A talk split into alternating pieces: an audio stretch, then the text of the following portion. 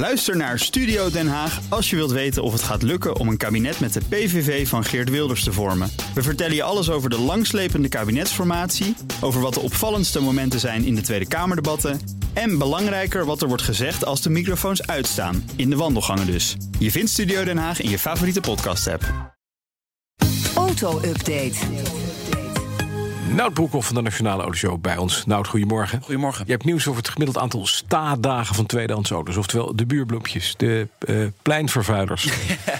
Heel Ja, goed gezegd, ja. Dat is het, hè? Ja, de staadagen, dat het eigenlijk gemiddeld aantal dagen dat een tweedehands auto te koop staat. Eh, cijfers zijn afkomstig van de RDW en verwerkt door databedrijf RDC. En dit gaat over business to consumer, dus Ja. B2C op brandstoftype. Ja. Ehm, het gemiddeld aantal staadagen is in Nederland toegenomen. Dat was in 2018 64 dagen. Dat is nu 67 dagen. Dat is gemiddeld voor een occasion. Dus het duurt drie dagen langer om een occasion te verkopen. Maar nou gaan we even brandstoffen segmenteren, hè? Ga je gang. ja, benzine gaat van 63 naar 66 dagen. Dat is dus drie dagen meer. Diesel, forser stijging Ja. hoor. 76 naar 73. Zes dagen langer te koop. Heeft natuurlijk met die markt voor die diesels te Ja. maken op dit Ja, moment. die soort wat in. Minder interessant. Het is een markt van vraag en aanbod natuurlijk. Maar de elektrische auto, daar schrok ik van. Mhm. Ja. 33 dagen in 2018. Vorig jaar 52 dagen. Dus 19 dagen erbovenop. Ja, business to consumer. Dus Ja. consument, laten we hem nog even links liggen dus. Het is een beetje lastig te zeggen waar dat nou door komt. Eh, Vereniging Elektrische Rijders heb ik daarover gesproken. Ze zeggen dat is niet één reden, maar verschillende. De import neemt toe, zeggen zij. Dus we halen meer elektrische auto's uit het buitenland. Die zijn daar interessanter. Het aanbod neemt sneller toe dan de vraag. Dat is eigenlijk wat wij zeggen. Hè? Ja.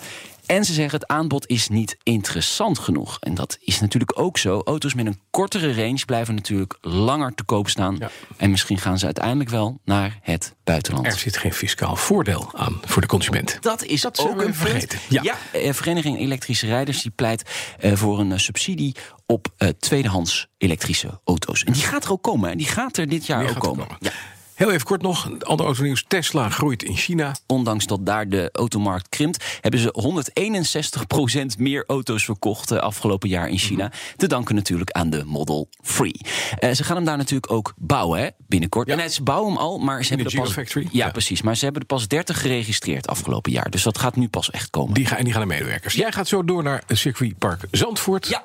Ja, er is een media-update. Status Ja. van de verbouwing hè, voor de Dutch Grand Prix.